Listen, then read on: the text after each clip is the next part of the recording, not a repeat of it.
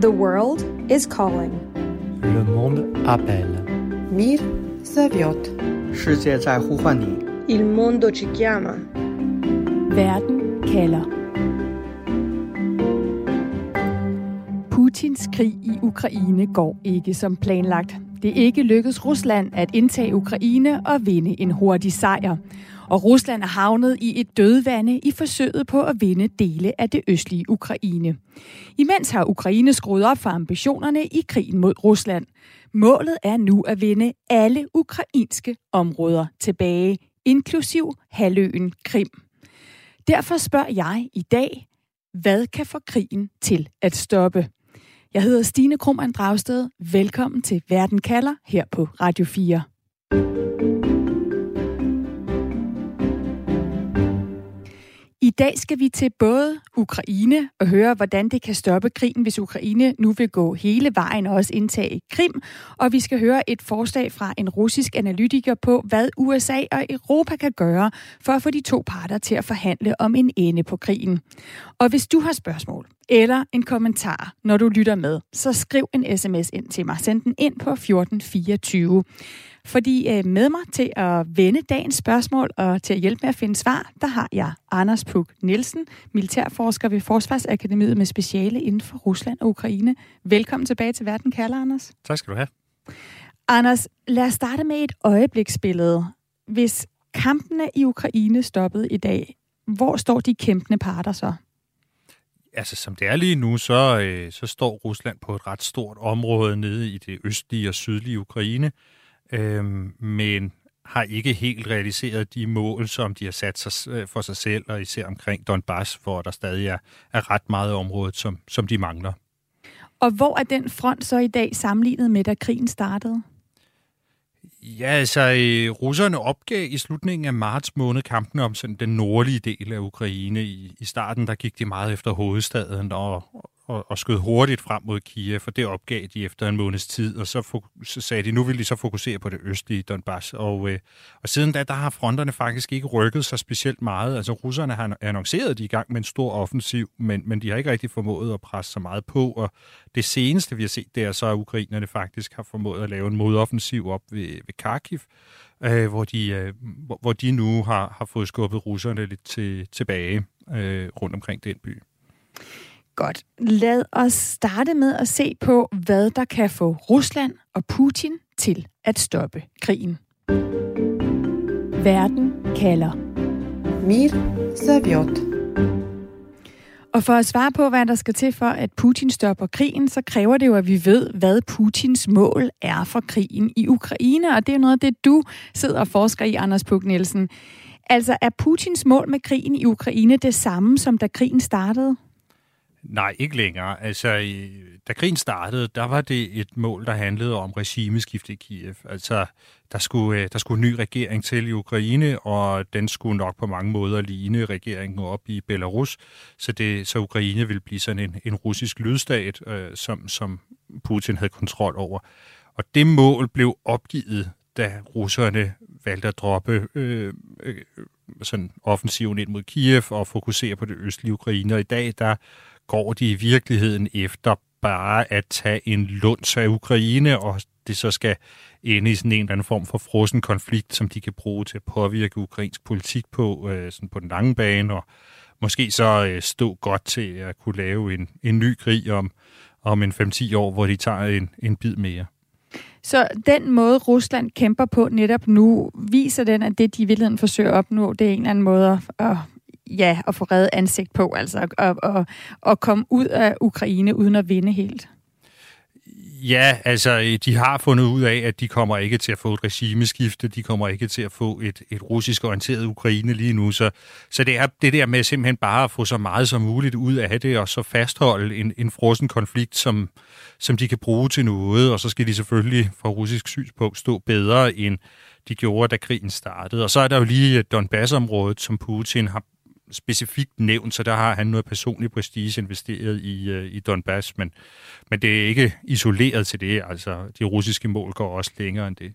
Så hvis vi lige opsummerer de her forskellige mål eller prioriteter, som Putin sidder og afvejer, så er det at vinde krigen i Ukraine, det, den kan vi godt øh, skyde lidt ud til højre i øjeblikket. Så er det at forblive ved magten øh, i Rusland selv, øh, altså Putin, og så er det det her med, at krigen ikke spredes ind i Rusland. Det er noget af det, du har siddet og kigget på, Anders Puk Nielsen.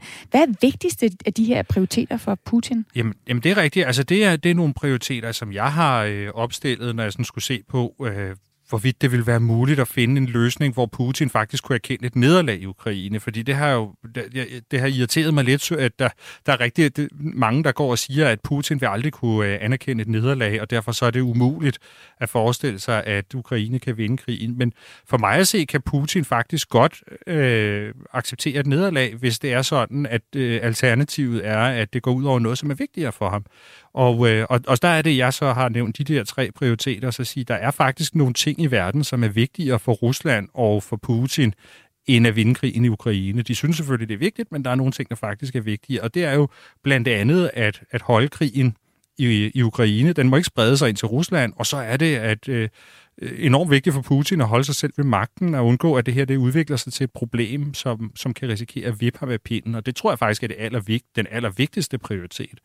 Øhm, så så, så det, det, jeg har øh, gjort med de der prioriteter, det er at sige, hvis man på en eller anden måde skal presse Putin til at opgive kampen i Ukraine, jamen så, så skal det udvikle sig til noget, hvor alternativet er, at det vil begynde at gå ud over nogle af de andre ting. Altså enten at, at krigen breder sig ind i Rusland, eller at det begynder at true Rusla, øh, Putins greb om, om magten i Rusland. Så hvis Putins højeste prioritet lige nu er at forblive ved magten, hvilke valg står han så med, så han med sikkerhed kan opnå de mål, altså øh, i forhold til det her med, om han skal eskalere krigen lige nu, om han skal acceptere et nederlag, eller om han skal prøve at fortsætte med et status quo? Ja, altså, øh, øh det, det der kan blive Putins udfordring, det er, at nogle af de ting, der måske skal til for, at Rusland kunne vende krigslykken i Ukraine og vinde krigen, det er noget, der vil være enormt upopulært i, øh, i Rusland. Altså forskellige grader af mobilisering af det russiske samfund, indkalde russiske mænd til krigen, øh, som ikke har meldt sig frivilligt, øh, omstille hele produktionsapparatet til at understøtte krigen i stedet for at understøtte befolkningen og, og alle sådan nogle ting. Øhm, og, øh, og hvis Putin træffer sådan nogle valg, så risikerer han at underminere opbakningen til krigen og ultimativt til hans eget lederskab. Og, og, og derfor så ser vi også, at han tøver med at tage nogle af de der valg der, på trods af, at det nok militært er det, der skal til for, inden at, øh, at krigen er, er bæredygtig. Øhm, så, så det betyder, at Putin står med nogle dilemmaer. På et eller andet tidspunkt er han simpelthen nødt til at vælge, om han, han ønsker at fortsætte krigen på den måde, som, som det er nu, eller om, om han vil prioritere at, øh, at holde fast i magten i Rusland, eller i hvert fald undgå at sætte den på spil ved, ved, ved at træffe nogle af de der upopulære valg. Men kan det ikke svække ham, altså også hans greb om magten, Putin, hvis han på en eller anden måde accepterer et nederlag? Selvfølgelig et, et nederlag, hvor han forklæder det, men altså hvor han opnår en, en eller anden tilbagetrækning for Ukraine, uden at det ligner et nederlag? Jo, altså det er jo øh, selvfølgelig ikke den historie, han gerne ville gå ud og fortælle, men øh, Putin har et meget godt greb om, om medierne, for eksempel i Rusland. Han kan øh, meget i, i høj grad lave den historie, som han gerne vil have. Øh, så hvis han, som du siger, kan, kan lave en eller anden fortælling, hvor det faktisk øh, ikke bare var Ukraine, de var op imod, for eksempel, men, men at det her, det var faktisk hele Vesten, der var imod dem, og det var sådan i virkeligheden 3. verdenskrig, de kæmpede og sådan noget, så kunne man godt se for sig, hvordan det kunne blive solgt som en sejr, at det lykkedes ham at, øh, at holde den her krig ude af russisk territorium, for eksempel, og at, at han reddede Rusland fra, øh, fra en katastrofe. Øh, og så kunne det på den måde blive solgt, selvom man egentlig måske ikke har, rigtig har nået nogen særlige mål inde i selve Ukraine. Øh, så, så, så, så på den måde, så tror jeg, at der er nogle muligheder. Og risikoen ved, hvis man gør nogle af de andre ting, det er netop, at man undergraver det der muligheden for selv at lave sit eget narrativ om krigen. Så indadtil, der kan han vinde lige meget hvad? Ja, det tror jeg faktisk godt, at man ville kunne sælge sådan en, øh, sådan en nederlag på en måde, sådan, så det egentlig ville give sig noget sammenholdskraft i, i befolkningen og, og ligesom øh, op, øh, opildende til sådan en patriotisk kamp, og, øh, og, og egentlig at russerne ville bakke op om, om, omkring styret. Det ville jo være super brugbart, hvis vi lige nu kunne ringe til Rusland og få et realistisk bud på, hvad der skal til for at stoppe krigen fra russisk side. Og selvom Putin fylder russerne med propaganda og misinformation og gør alt for at lukke munden på kritiske journalister og oppositionspolitikere og analytikere, så findes der stadig anerkendte stemmer i Rusland, der tør give deres bud på, hvordan krigen stopper.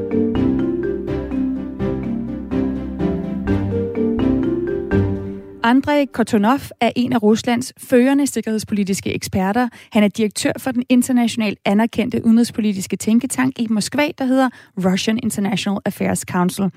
Han mener, at det vigtigste lige nu, det er at få stoppet krigen, og at det er muligt. Men det kræver ifølge Kotonov, at begge sider, Rusland og Ukraine, føler, at de har fået noget ud af konflikten. But the reality is that both sides uh, have to get something out of this conflict that would allow them uh, to state uh, that uh, they, at least partially, uh, accomplished uh, their missions and they reached their goals. Både Rusland og Ukraine skal altså nå dertil, hvor de kan fortælle, at de har nået deres mål efter krigen. Så hvordan når vi dertil? Ifølge Andrei Kortunov er første skridt en pause i kamphandlingerne. Og en pause, den kommer ikke til at ske, så længe begge parter mener, at de kan få en bedre forhandlingsposition ved at kæmpe videre. Unfortunately, we will have to go through another cycle of escalation. Uh, both sides apparently believe that uh, uh, time might make their future negotiating positions uh, stronger. So I can forudser altså en eskalering af krigen og flere kampe i den østlige Donbass-region. But I don't believe that it can last for too long because uh, there is already a fatigue on both sides, uh, and I think that uh, we might uh, be in a position to reach some kind of truce, not a peace settlement, but some kind of uh, interim agreement on a ceasefire within the next couple of weeks. Men Kotonov han øjner en mulighed for en pause, måske allerede i midten af maj, for udmattelsen er ved at brede sig i begge lejre, mener han. Udfordringen det er så at få udnyttet sådan en mulig pause i krigshandlingerne, for er der en ting, der står klart ifølge Kotonov, så er det... Uh, neither side can accept defeat uh, and uh, uh, walk uh, away as a defeated side. Ingen parter vil gå ud af krigen ved at acceptere et nederlag, for Putin vil et nederlag kunne koste ham lederskabet i Rusland. For for Putin, a, a defeat would mean uh, a very serious uh, challenge to his leadership, uh, and definitely, you know, if he feels that uh, Russia is losing ground, uh, he might go for further escalation, including uh, mobilization or even, God forbid, uh, use of uh, nuclear weapons, especially if NATO gets involved into that. Hvis Putin føler sig troet, frygter Kotonov en eskalering og i værste fald atomkrig, hvis det bliver en større krig, der involverer NATO. Zelensky på den anden side, Ukraines præsident, han kan heller ikke acceptere et nederlag, mener Kotonov. Zelensky cannot afford uh, a defeat either because, uh, you know, if Ukraine is defeated, it would have very significant uh, demoralizing impact on the population with all the sacrifices, with all the hardship uh, uh, uh, experienced by the Ukrainian people right now to say that sorry, you know, we have to surrender. I think it's it's absolutely inconceivable for uh, Ukrainians. Ja, det er helt urealistisk, at Ukraine overgiver sig med alt det, de har offret, og fordi krigen ikke er symmetrisk. Altså, det var ikke Ukraine, der startede krigen, det var Rusland, slår Kortunov fast. It's a zero-sum game. Whatever can be presented as a victory for Ukraine means a defeat for Russia and the other way around. So, uh, for me, it is important uh, to broaden uh, the framework of these negotiations by engagement third countries that might uh, offer uh, a different positive sum game uh, to the sides in the conflict. Problemet, ifølge Kortunov, er altså lige nu, at krigen i Ukraine er et nulsumspil. Et spil, hvor det, der er et tab for den ene part, er en sejr for den anden part. Så den eneste mulighed, vi har, det er at ændre spillereglerne. Så parterne altså befinder sig i det, vi kan kalde et plussumspil. Altså en situation, hvor Ukraine og Rusland kan få noget ud af at stoppe krigen. Og her kommer EU og USA på banen, siger Kortunov. De kan udvide spillet, så der er andet at vinde end kontrol over Ukraine. EU kan spille en meget aktiv rolle ved for eksempel at tilbyde EU-medlemskab til Ukraine eller en stor Marshall-plan, mens USA for eksempel kan tilbyde at genåbne atomvåbenforhandlingerne med Rusland og stille en udsigt er om at lempe sanktioner i udsigt til Putin. Uh, it is not completely impossible with some flexibility, Uh, but uh, it implies that both sides uh, have uh, to moderate uh, their expectations. Men det kræver altså, at begge parter skruer ned for deres forventninger og går med til det, som Kortunov kalder en uperfekt afslutning.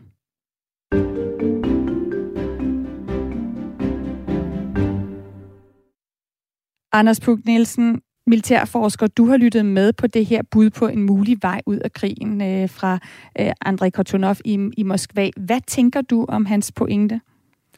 Jeg tænker, at han har ret i, at øh, det lige nu ikke ligner, at øh, der kan komme en forhandlingsløsning, fordi begge parter faktisk stadig tror på, at de kan vinde. Øh, og nu nævnte jeg før nogle, nogle, nogle måder, jeg tror, at Rusland kunne ligesom acceptere et nederlag på og komme ud af det på, men jeg tror ikke, de er der, hvor de har den erkendelse, at der er behov for det. Øhm, og på samme måde med ukrainerne, de mener også lige nu, at de vil stå stærkere, hvis krigen fortsætter lidt længere, fordi tiden arbejder for dem. Og derfor så er det, så er det rigtig svært at, øh, at se på den korte bane, at, øh, at krigen skulle stoppe. Øhm, og, og, og så tror, men jeg tror, at han har en vigtig pointe i, at begge parter er nødt til at få nogle mere realistiske forventninger om, hvad man øh, kan få ud af den her krig. Øhm, fordi lige nu, der er, der, der er begge parter meget højt op i, i hver deres træ. Er du overrasket over at høre sådan en øh, analyse fra Moskva på et tidspunkt, hvor, hvor det jo kan koste fængsel at kritisere Putin og krigen? Vi hører Kortunov sige, at det er øh, Putin, der er gået ind og har startet den her krig, og at Ukraine ikke har råd til at give op med alt det, det de har offret. Ja, nej, det, er jo, det er jo rigtig dejligt, at der stadig er analytikere, der, øh, der siger det. Det er desværre jo ikke rigtige analyser, der kommer ud til den bredere russiske befolkning, øh, og som, som jo langt hen ad vejen har fået at vide, at krigen går fremragende.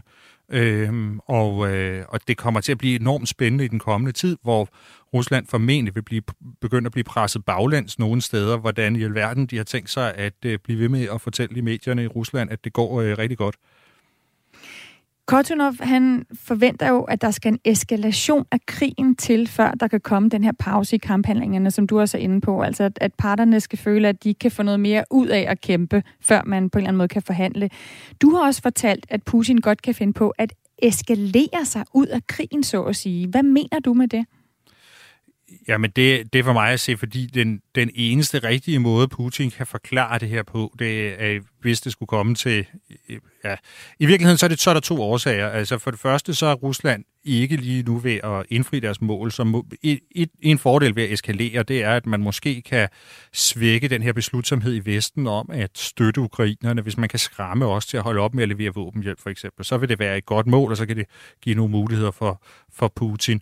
Øh, men også øh, hvis det er, at han en dag skal ud af det her og skal forklare, hvorfor de øh, må trække sig tilbage fra Ukraine, uden egentlig at have indfriet nogle mål, så vil det være en fordel at have eskaleret det her til et rigtig højt niveau, sådan så at, øh, at man netop kan sælge det som, at det var, det var faktisk en verdenskrig, og det var ikke bare Ukraine, man tabte til, fordi det ville jo være pinligt, men det var sådan set, et, øh, det, var, det var faktisk USA, man var i krig med, ikke? Altså, øh, så, så på den måde kan man bedre forklare, hvorfor det var en sejr, at øh, det lykkedes at, at, at bekæmpe USA i, på ukrainsk territorium, måske i stedet for på russisk territorium.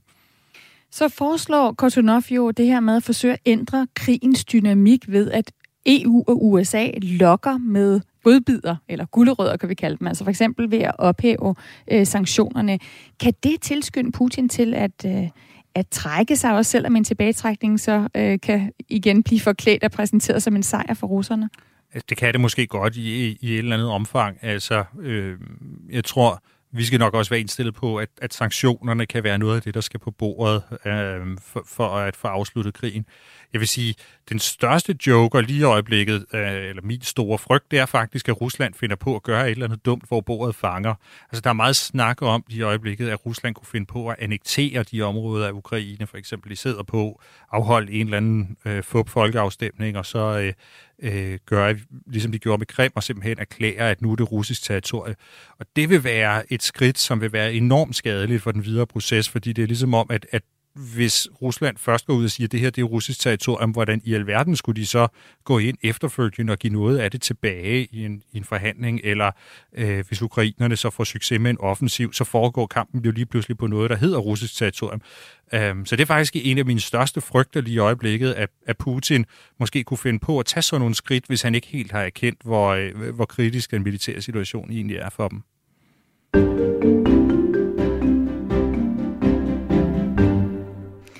Godt. Øh, Anders Pug Nielsen, lad os prøve at samle op på perspektivet fra Rusland, når det gælder at finde en ende på krigen i Ukraine. Hvad er efter din mening det vigtigste, der skal til, for at Putin har en interesse i at stoppe krigen? Jamen, jeg tror simpelthen, det er nødt til at gå dårligere. Altså, jeg tror, det er nødt til at blive dårligere, før det kan blive bedre, for jeg, jeg, jeg ser ikke lige i øjeblikket, at der øh, fra den russiske side er en vilje til at, øh, at give de indrømmelser, som skal til. Øh, de står ikke militært til at kunne, kunne fastholde alt det territorie, de sidder på lige nu, øh, og, og overhovedet ikke at tage mere endnu.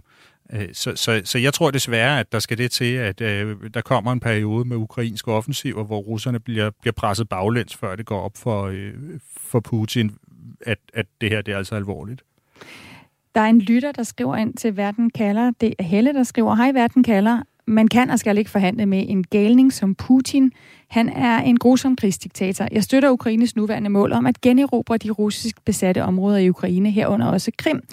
Den øh, frygtelige aggressor Rusland skal ikke have nogen indrømmelser eller tilbud. Vi skal fortsat støtte Ukraine med alle nødvendige våben. Og Anders, vi kigger jo på Ukraine og på, hvor de står i forhold til øh, at stoppe krigen, hvad de ser som, som en, en sejr øh, senere. Men hvor står Putin her, når vi taler om Krim og, og, og om Donbass-området, altså Krimhaløen, som han gik ind i 2014, og, og Donbass. Hvor meget ser du, at er muligt at forhandle eller at opgive for Putin der?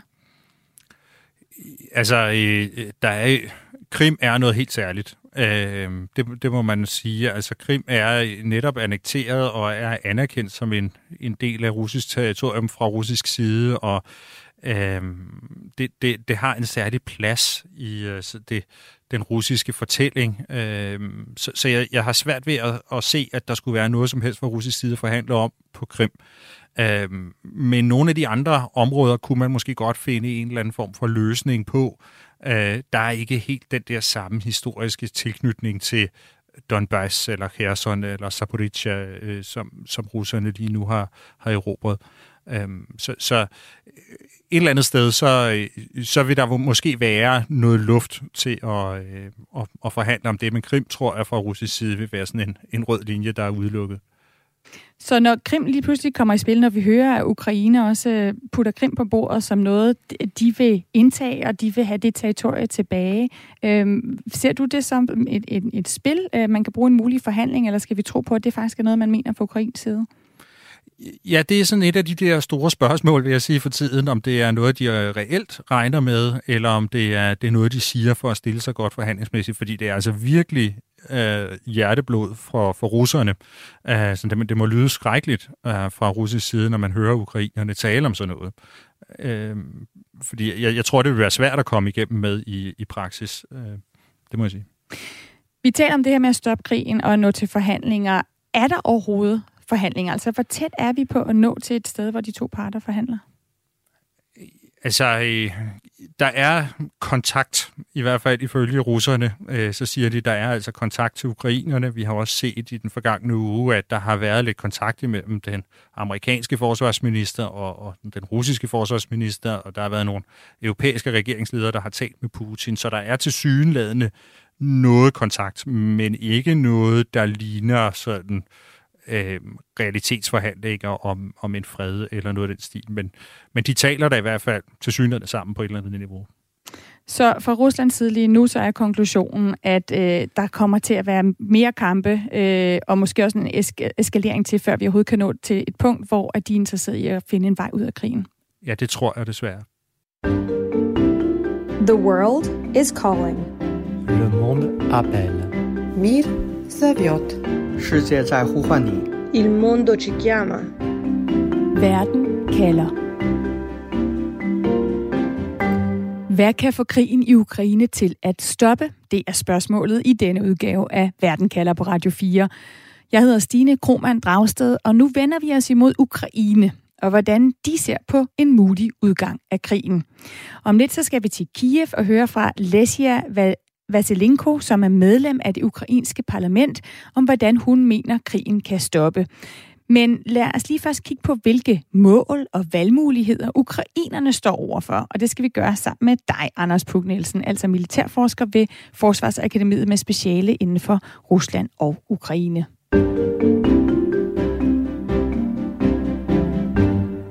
Anders, Ukraines udenrigsminister har jo været ude og sige, at Ukraines syn på, hvordan en sejr ser ud, har ændret sig. Nu er Ukraines ambition at befri alle ukrainske områder. Hvorfor er det øh, nu et mere ambitiøst mål end tidligere, vi hører fra Ukraine? Jamen det er det, fordi ukrainerne er kommet enormt godt fra start, kan man sige, eller også er russerne kommet virkelig dårligt fra start i den her krig. Øhm, så der, hvor man for nogle måneder siden måske forestillede sig, at ukrainerne skulle ud og føre sådan en langvarig oprørskamp mod en, en russisk besættelsesmagt, jamen så står man faktisk nu i dag med et sted, hvor, øh, hvor ukrainerne i en helt konventionel krig måske har mulighed for at, øh, måske endda, øh, slå russerne sådan fuldstændig.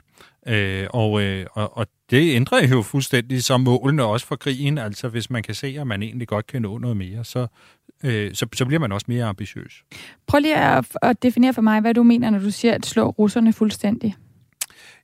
Ja, altså simpelthen jo øh, lave modoffensiver, der kan skubbe russerne baglæns, og så er der jo altid spørgsmålet om, hvor meget baglæns øh, Øh, taler vi tilbage til øh, før den 24. februar, eller taler vi helt tilbage til før øh, 2014, eller øh, sådan en eller anden mellemstadie i, i for, mellem, hvor vi er i dag, og så, øh, så dengang.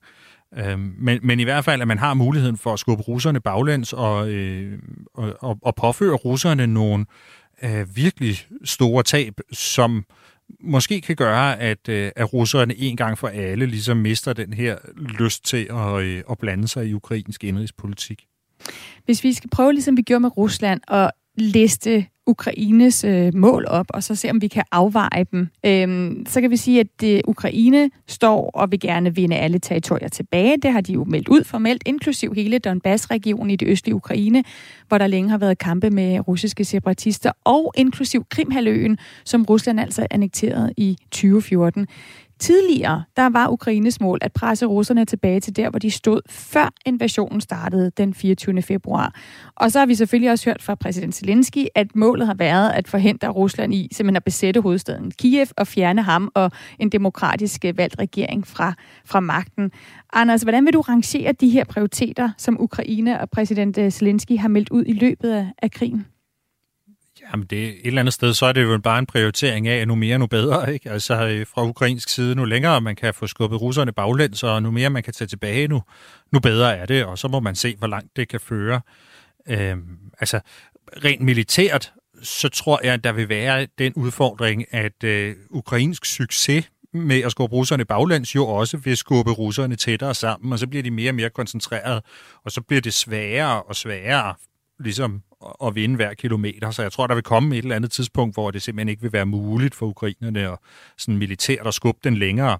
Så, så, så vi vil nok have komme ind i en periode nu, hvor ukrainerne vil have noget succes med at genvinde noget terræn, og så på et tidspunkt, så kommer det til at, at gå i stå, og jeg tror, det er rimelig urealistisk, det der med at skulle befri hele, hele Krim for eksempel. Så hvis vi ser på de valgmuligheder, Ukraine har for at nå de her mål, som vi på en eller anden måde kan sige, øh, er, altså de vil jo gerne, hvis de kunne, selvfølgelig vinde alle territorier tilbage, øh, og, og det er det, de på en eller anden måde prøver at satse på lige nu, hvor det går øh, øh godt i krigen.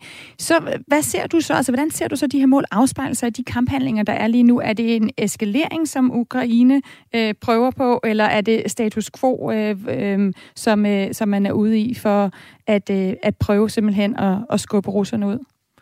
Rent militært, så, øh, så kæmper ukrainerne sådan en, en ret tålmodig forsvarskamp faktisk, hvor øh, det går ud på, at altså det er russerne, der har annonceret, at de er i gang med en offensiv, og som gør, hvad de kan for at, øh, anrykke fremad. Øhm, og, og der udnytter ukrainerne altså, at, øh, at det er nemmere at være den, der forsvarer sig, og så kan de på den måde påføre russerne en helt masse tab. Og så på et eller andet tidspunkt, øh, Øh, når russerne begynder at opleve at få mange tab, så skal de til at omstille sig til en forsvarskamp. Og der gælder det for ukrainerne om at ramme lige præcis det punkt der, hvor at øh, russerne er blevet så svage, så de ikke længere har evnen til at lave offensiver, men de stadig ikke har nået at lave forsvarsstillingerne, sådan så de er rigtig indstillet på forsvarskamp. Og så er det jo der, ukrainerne skal rykke frem øh, og, og, og, øh, og lancere deres modoffensiv.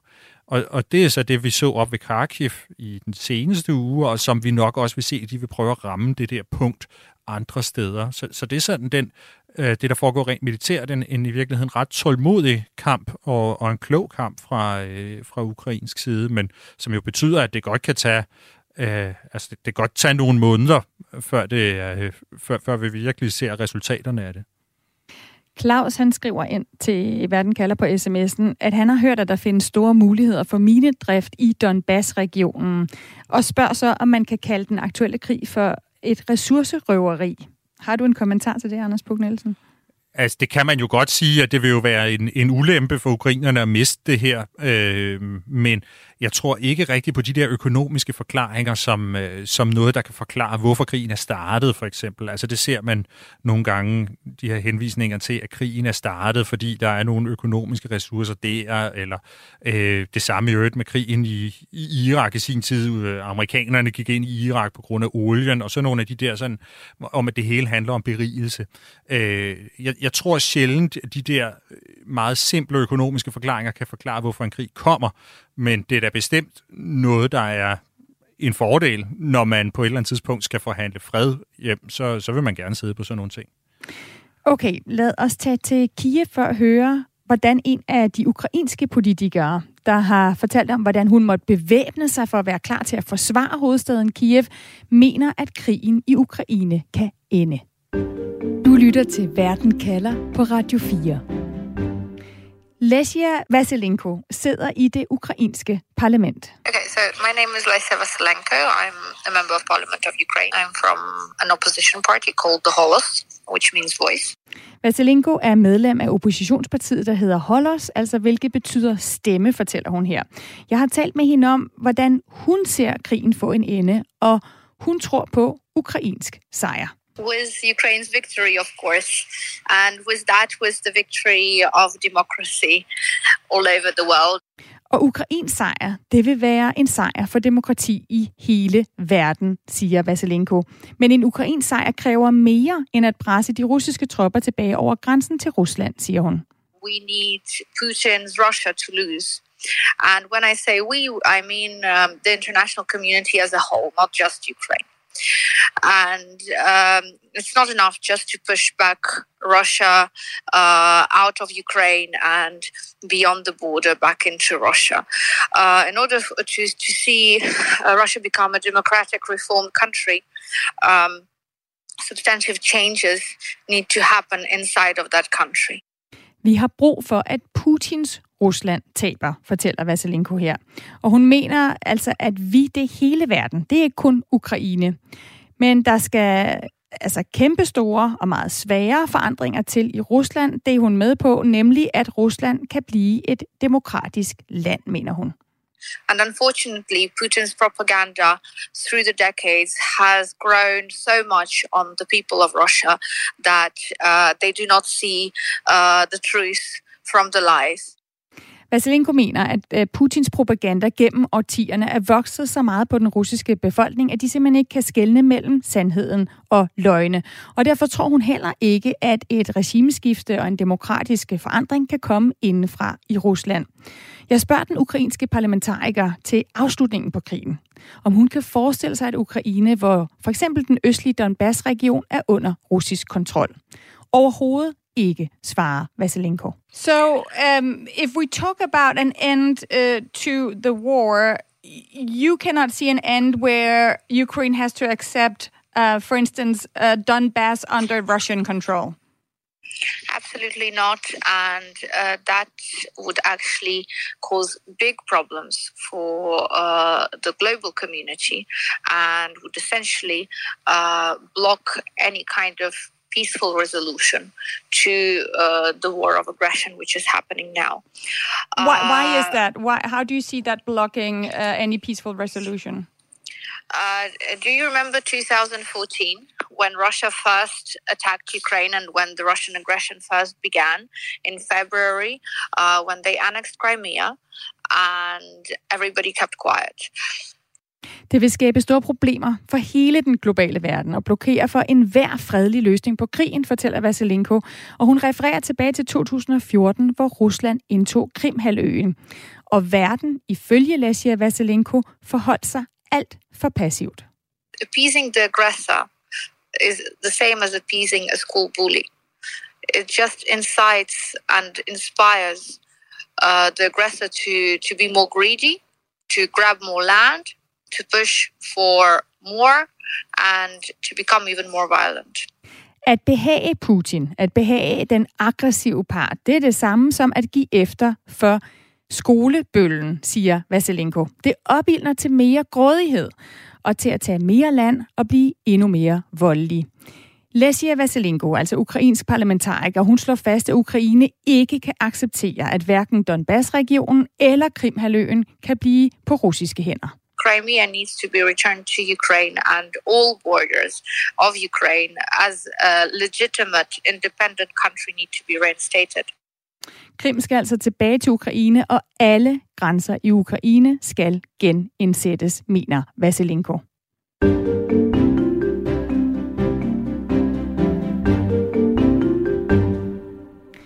Anders Puk Nielsen, militærforsker, du har lyttet med.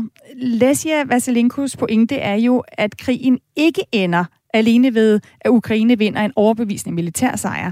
Ukraine skal simpelthen vinde det, hun kalder en demokratisk sejr. Altså det vil sige, at Putin skal væltes, Rusland skal pilles fra hinanden og genopstå som et frit og demokratisk land. Og her er Lesia Vasilenko altså helt med på, at et regimeskifte ikke kommer til at ske ved, at russerne selv vælter Putin. Hun siger, at det skal ske gennem tvang fra Ukraine og Vesten. Anders Puk Nielsen, krigen stopper først, når Putin er fjernet, og Rusland er demokratisk. Hvad lægger du i det her ønske om at vælte Putin gennem tvang? Øh, jeg synes, det lyder som et enormt stort kaos, som det nok ikke øh, vil være godt at, at, at, at få, øh, få sat i gang lige nu. Øh, for mig at se, så, så det vigtigste, det er, at Rusland skal en gang for alle anerkende, at Ukraine er en suveræn og selvstændig stat, som har ret til at være et selvstændigt land. Øh, fordi det helt store problem er jo, at øh, fra den russiske side bliver det ved med at blive talt ned, at Ukraine er ikke i virkeligheden sådan rigtig suverænt, og det er egentlig bare en provins fra, fra i Rusland, som er øh, øh, på en eller anden måde er kommet på afveje og den slags ting. Altså, og, og det vigtigste, det er egentlig, at krigen anerkender med det, om det så er det ene eller det andet styre i Moskva, der anerkender det, det tror jeg egentlig ikke er så vigtigt. Du bruger ordet kaos. Hvad, hvad mener du øh, med det i forhold til den her pointe om, at øh, Vasilenko gerne vil have, at man simpelthen får et regimeskifte i Rusland som en del af at stoppe krigen? Jamen altså, det russiske system er fuldstændig i dag indrettet efter, at Putin er på toppen, og at der er ikke nogen aftager klar, og øh, hvis man bare gik ind og fjernede ham, så ville det være fuldstændig uforudsigeligt, hvilken retning det ville gå i. Og, og det, det er altså faktisk ikke det, der har brug for på nuværende tidspunkt. Der er brug for, at der kommer lidt ro på det. Og, øh, og, og slutresultatet af det her kommer nok snarere til at være en ny kold krig, hvor et, øh, målet for Ukraine så må være at være på den vestlige side af et jernsæbe, og så kan grænsen så gå øh, så langt østpå som overhovedet muligt. Øh, men, men det kommer ikke til at være sådan, så Rusland bliver en, en demokratisk stat sådan inden for, inden for det næste års tid, eller noget af den stil.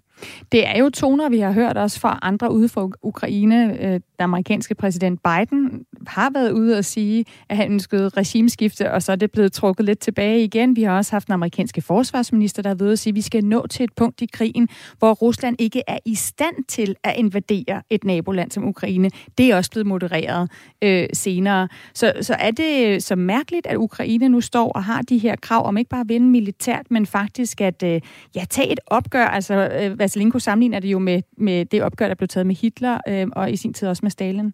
Jamen, der er ikke nogen tvivl om, at det er det, der skal til for Rusland. Øhm, og, øh, og målet må på en eller anden måde være, at Rusland når dertil på et tidspunkt, men det er en enorm stor proces. Øh, og, øh, og det indebærer meget mere end bare at udskifte øh, Putin med, øh, med en eller anden, eller at lave nogle demokratiske valg. Altså det er, det er hele den russiske befolkning, som skal ind og, og, og genfortolke deres egen historie og forstå deres plads i verden. Ja, lad os lige prøve at høre, hvad russiske Andrei Kotonov, altså leder af den respekterede russiske udenrigspolitiske tænketank, hvad han siger til den her idé fra Ukraine om at gennemtvinge et regimeskifte. Uh, if uh, even in theory, if we imagine hypothetically that a regime change imposed by the West is possible, uh, I think uh, it's uh, not likely uh, to be sustainable because the moods here in the country will be that if they impose something on us, we should do whatever we need in order to get rid of, you know, this imposed rule. Ja, et regimeskifte kan kun komme indefra, siger Kortunov. Hvis det sker udefra med tvang, så vil russerne kæmpe imod. Og han mener også, at det eneste realistiske, det er at nå til et sted, hvor Vladimir Putin altså kan forklæde et nederlag som en sejr, så han ikke taber ansigt. I'm talking about uh, rather a tactical face-saving operation, uh, which would allow Putin to claim victory and uh, to uh, it, it, would incentivize the Russian leadership uh, to reach some kind of a compromise. Anders Pug Nielsen, du har allerede svaret på, hvad du tror er det mest sandsynlige, altså i forhold til at stoppe krigen, at det her med at presse på for regimeskifte, det er ikke der, vi står. Det er mere at prøve at nå til et form for kompromis, øh, hvor Putin så i hvert fald noget tid kan blive ved magten. Hvor langt er vi fra at nå det sted? Ja, det, det er et rigtig godt spørgsmål, fordi øh, i virkeligheden der, hvor vi er længst fra, det er nok, at Putin øh, selv erkender, at han godt kunne tænke sig sådan en udvej. Fordi hvis han nu øh, sendte nogle tydelige signaler til Vesten, om at han godt kunne tænke sig lidt hjælp med at, øh, at, at, at få sådan en udvej, som han kan sælge til den russiske befolkning, så tror jeg faktisk også, at man ville være villig til at, øh, at hjælpe ham til det. Men lige i øjeblikket, der tror jeg faktisk, at Putin stadig tror på den her krig, og han skal bare skille sine generaler noget mere ud, så skal, øh, så skal de rigtige fremskridt på, på slagmarken nok komme. Så, så der, der, der er en erkendelsesproces der, der skal, der skal til i, i Moskva først.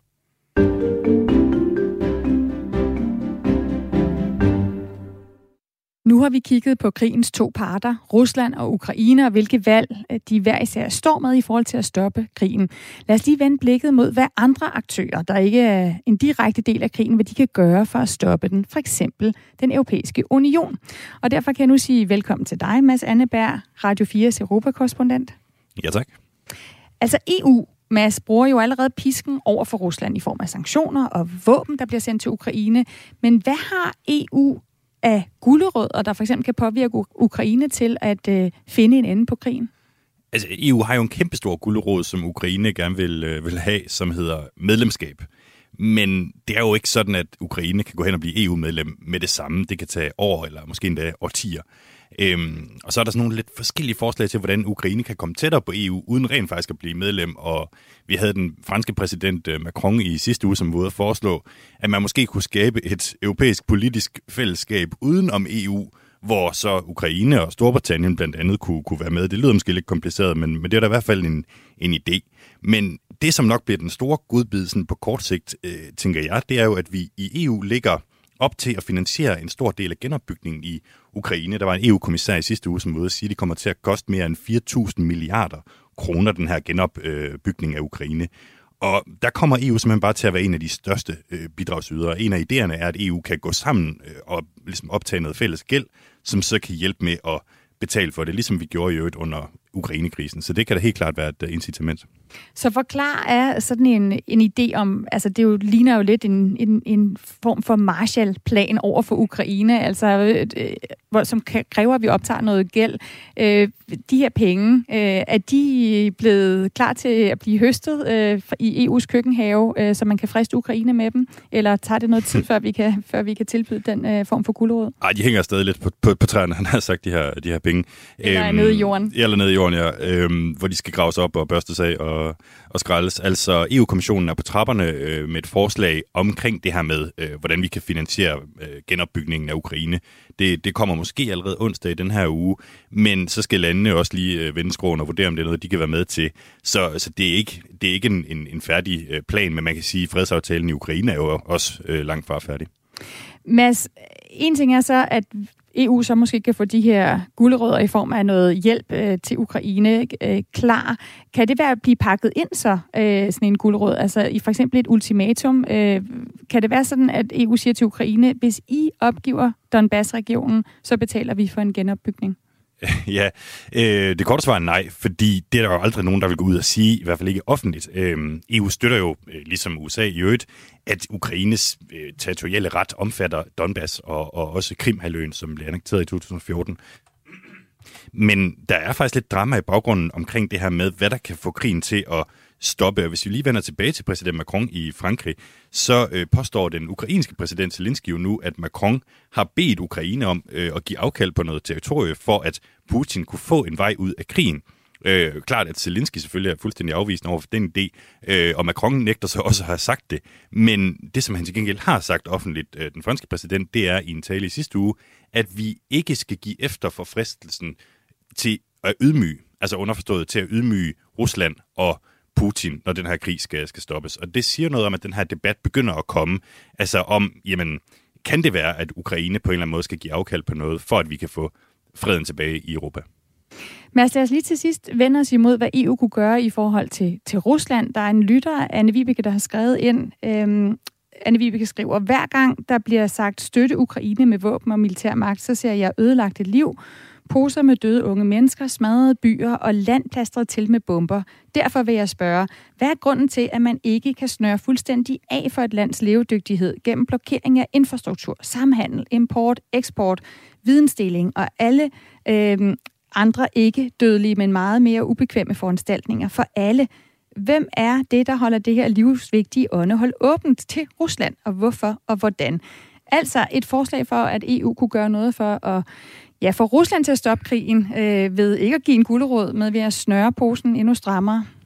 Ja, altså EU har jo prøvet at snøre posen til, til en vis grad, øhm, men for eksempel hvis vi kigger på sådan noget som olieembargo, øh, Rusland eksporterer ganske meget olie til, til EU, men der har landene ikke kunne blive enige endnu i hvert fald om øh, at, at simpelthen øh, lukke ned for det. Og så er det jo også bare sådan, at EU er ikke de eneste, som Rusland handler med. Der er stor samhandel med blandt andet Indien og, og, og Kina, så det er ikke nok, kan man sige, at vi EU går ud og siger, at vi, vi prøver at snøre posen øh, over for Rusland. Mads Anneberg, tak for at komme med et bud på, hvilke redskaber EU har for at kunne påvirke en ende på den her krig i Ukraine. Selv tak. Verden kalder. Mir Saviot. Anders Puk Nielsen, jeg har stadig øh, dig med, og jeg vil gerne have din hjælp til at samle op på dagens spørgsmål her i Verden kalder. Altså hvis du skal give en overordnet konklusion. Hvad er så dit svar på, hvad der kan få krigen til at stoppe i Ukraine? Ja, i første omgang, så tror jeg desværre, at vi skal have nogle, øh, nogle flere kampe. Øh, krigen er nødt til at fortsætte noget længere, indtil at øh, parterne ikke længere tror på, at de har muligheden for at stå bedre, hvis de, øh, hvis de slås mere. Øhm, og, og det kan godt tage formentlig nogle måneder. Og, øh, og derefter, jamen, så vil der nok være muligheder for, øh, for nogle forhandlinger. Og, øh, og, og der må man jo så håbe, at øh, begge parter også formår at, at vise den der vilje til at, at lave reelle forhandlinger, og ikke står alt for stejlt øhm, på, på, på, på øh, de forskellige ting, og, øh, og det både gælder russere og ukrainer, fordi de ukrainske krav er i den seneste tid også blevet meget, meget store, og nok også større, end, end hvad der vil være muligt at få ud af en forhandling. Så, så der er et eller andet, hvor, hvor man skal have nogle, nogle forventninger på plads til, hvad, hvad det kan føre til i den sidste ende.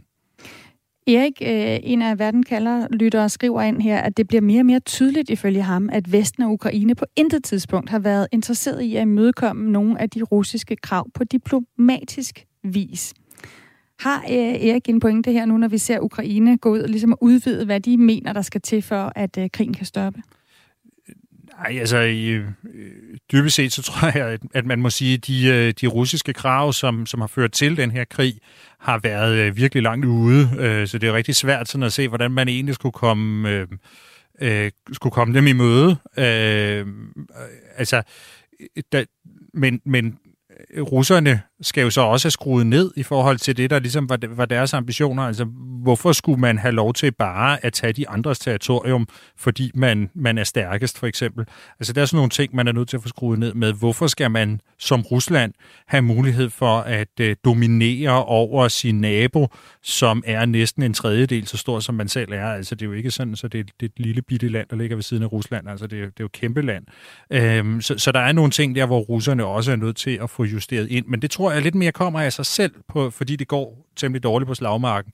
Og det er der, hvor jeg godt kan blive lidt bekymret over, om ukrainerne måske kan blive lidt for kæphøje og komme lidt for højt op i træet, fordi de egentlig er dem, der har succes på slagmarken. Øh, og det kan måske gøre det svært i, i de forhandlinger, som, som på et tidspunkt skal komme.